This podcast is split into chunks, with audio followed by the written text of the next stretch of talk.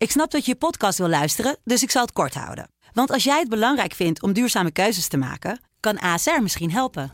Nou hoor ik je denken, hoe dan? Nou, bijvoorbeeld bij het duurzaam herstellen van schade. Of de premies die we beleggen volgens ons duurzaam beleggingsbeleid. Dat bepaalt waar we wel en juist niet in investeren. Wil je meer weten over welke duurzame keuzes ASR maakt? Ga dan naar asr.nl/slash duurzame keuzes. ASR doet het. Zo, dan kan je nu lekker naar je podcast luisteren. In deze podcast van de Telegraaf elke dag het belangrijkste coronanieuws op een rij. De cijfers en de feiten met thuiswerkers Pim CD en Kamran Oela. Goeiedag, zaterdagavond 11 april 2020, aflevering 26 van onze corona-update. Met vandaag. Het is op veel plekken druk, maar mensen houden zich aan de regels. Op welke manier komen we uit de lockdown? En in het zuiden van Italië maakt men zich zorgen om een corona-neveneffect. Maar eerst de RIVM-cijfers en het belangrijkste nieuws van de dag. Telegraaf-collega Pim CD. Het officiële dodental door het coronavirus in Nederland is gestegen naar 2643. In de afgelopen 24 uur heeft het RIVM 132 nieuwe sterfgevallen doorgekregen. De afgelopen dag zijn 189 coronapatiënten in het ziekenhuis opgenomen. Totaal aantal opnames 8386. Een deel van de patiënten is weer thuis. Het aantal geregistreerde besmettingen is gestegen met 1316 tot 24.413. Dan het aantal coronapatiënten op de intensive care afdelingen. Dat steeg met 7 naar 1391. Het totaal aantal coronapatiënten dat op de IC is overleden is 387. Er zijn 178 mensen hersteld van de IC. Een uitweg uit de lockdown. Het is een populair onderwerp van gesprek op dit moment. Iedereen heeft daar zo zijn gedachten over. Onder hen uiteraard ook virologen. Een van hen is Alexander Kekulé. De Duitse microbioloog en viroloog geldt in zijn eigen land als een autoriteit, zeker op het gebied van het coronavirus. Hij bedacht een exit-strategie en telegraafverslaggever Wier Duk die interviewde hem. Hij zegt, luister, een vaccin is er pas over een jaar, anderhalf jaar. Tot die tijd kunnen wij niet de wereld in lockdown houden, want dan gaan onze samenlevingen gewoon helemaal kapot. Dus we moeten een manier vinden, een opening vinden uit de lockdown waar we nu in zitten. En hij zegt, dat kan ook wel. Als je de kwetsbare groepen, dus de oudere mensen, mensen met ziektes, mensen met onderliggend lijden, zoals het heet, als we die extreem isoleren, dus kijken naar die verzorgingstehuizen en tehuizen waar de bejaarde mensen zitten als een soort ziekenhuizen, een soort bijna IC's. Wat dus op dit moment helemaal niet gebeurt. Hij zegt die mensen moeten beschermende kledij aan. Ze moeten mondkapjes voor. Het personeel moet ook zwaar beschermd worden. Anders wordt telkens weer het virus overgedragen. Wat we dus nu zien. Hè? Want in onze tehuizen ook vallen die mensen bij bosjes. En dat is echt een schandaal, dat zegt hij ook. Dat is verschrikkelijk, omdat we al in februari wisten dat dit virus zich vooral hecht zeg maar, aan oudere generaties. Dus dat die mensen nu zo massaal sterven, is echt een schande voor, onze voor onze democratie. Als dat op een goede manier gebeurt, dan kunnen we volgens deze viroloog de groep 20 tot 50-jarigen weer loslaten in de samenleving. Maar niet zomaar. Ze moeten zich houden aan zogenaamde smart distancing. Dat betekent dat in iedere situatie mensen zich bewust moeten zijn dat er infectie kan optreden. Dus taxichauffeurs moeten altijd een mondkapje dragen. Na iedere passagier moeten ze hun auto desinfecteren. In ieder geval de plek waar die passagier heeft gezeten. Mensen in werksituaties waarin men minder dan twee meter van elkaar kan komen, moeten sowieso mondkapjes dragen, altijd om de zoveel tijd handen wassen. Uh, dus we moeten ons heel erg bewust zijn, ook deze mensen tussen de 20 en de 50, van het gevaar dat ze besmet worden. Hij zegt via smart distancing kun je het aantal besmettingen, nieuwe besmettingen, drastisch naar beneden krijgen. Ondertussen zullen er mensen besmet raken, zegt hij, maar het aantal complicaties in deze leeftijdsgroep is heel gering, is gebleken. Er zullen mensen ziek worden, ja, er zullen ook mensen komen te overlijden, ook dat, ook jongeren. Maar, zegt hij, dat zal niet het aantal mensen overstijgen dat in een seizoensgriep uh, ziek wordt of komt te overlijden. En dat accepteren we ook, zegt hij. Elk seizoen zijn er mensen, ook jonge mensen, die overlijden aan de griep. En het is niet zo dat we dan onze economie helemaal plat gooien zoals we nu doen.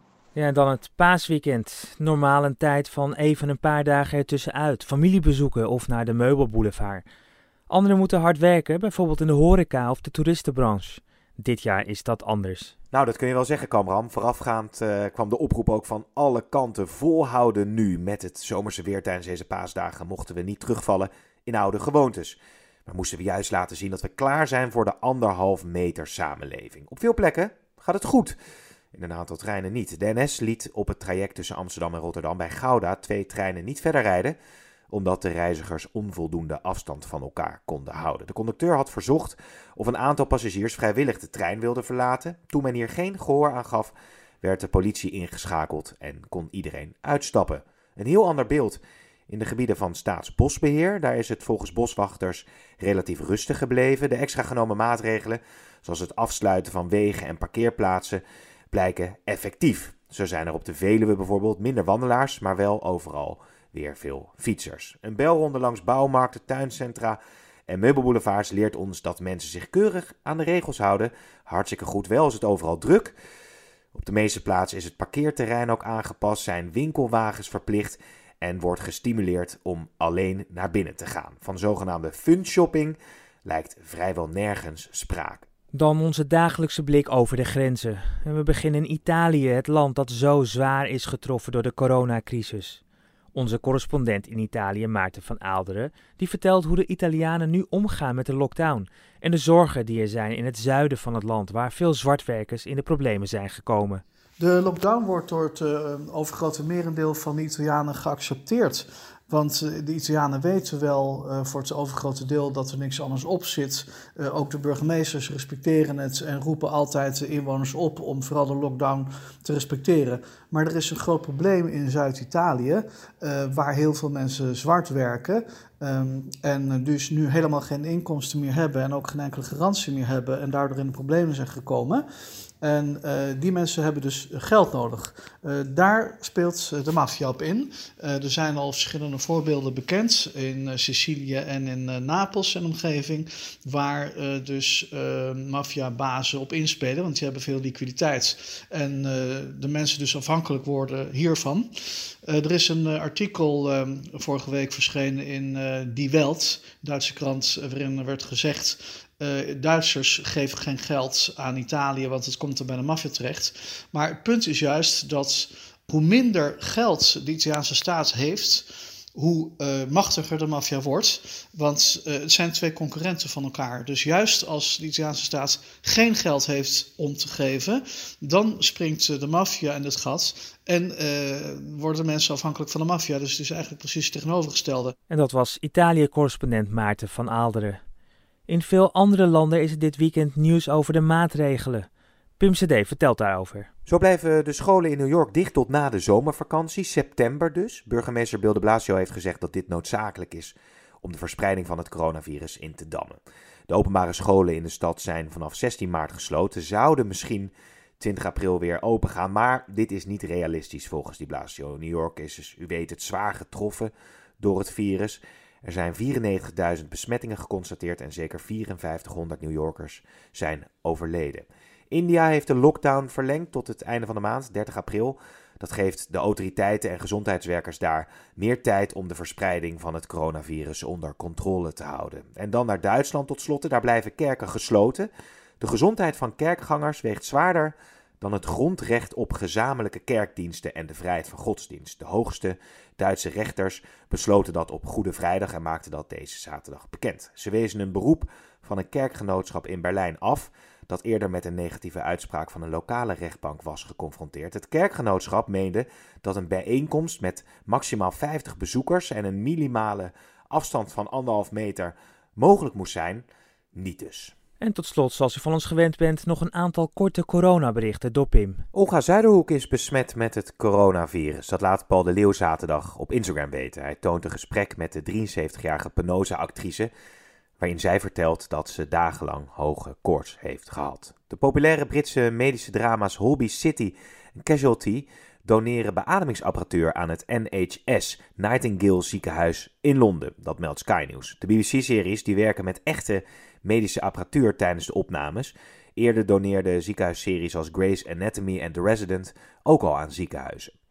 De Nederlandse bioscopen dan, die ontwikkelen plannen voor het geval zij over enige tijd weer deels open mogen van de overheid. Dat blijkt uit een rondgang van het vakblad Holland Filmnieuws. De theaters gaan er niet van uit dat dit op korte termijn zal kunnen, maar als de overheid toestemming geeft voor een gedeeltelijke heropening van zalen in een anderhalve meter samenleving, dan liggen de scenario's wel klaar.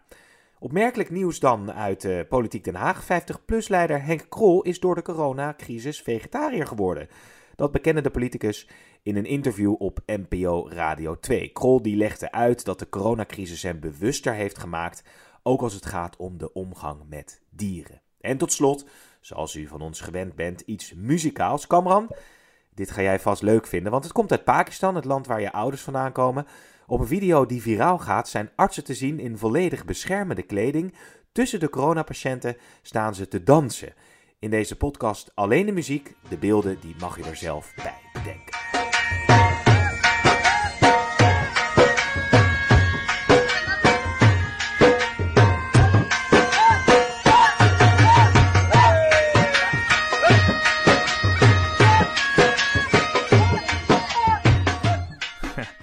Dat klinkt toch heerlijk als die met de beelden er niet bij. Die beelden die zijn natuurlijk wel te vinden op sociale media. Ik zal het zelf ook even twitteren voor iemand die dat graag wil zien. Het Cameron Oela. Dit was de Telegraaf Corona Update van zaterdag 11 april. Alle onderwerpen uit deze podcast zijn uitgebreid te lezen en te zien op de site en in de apps van de Telegraaf.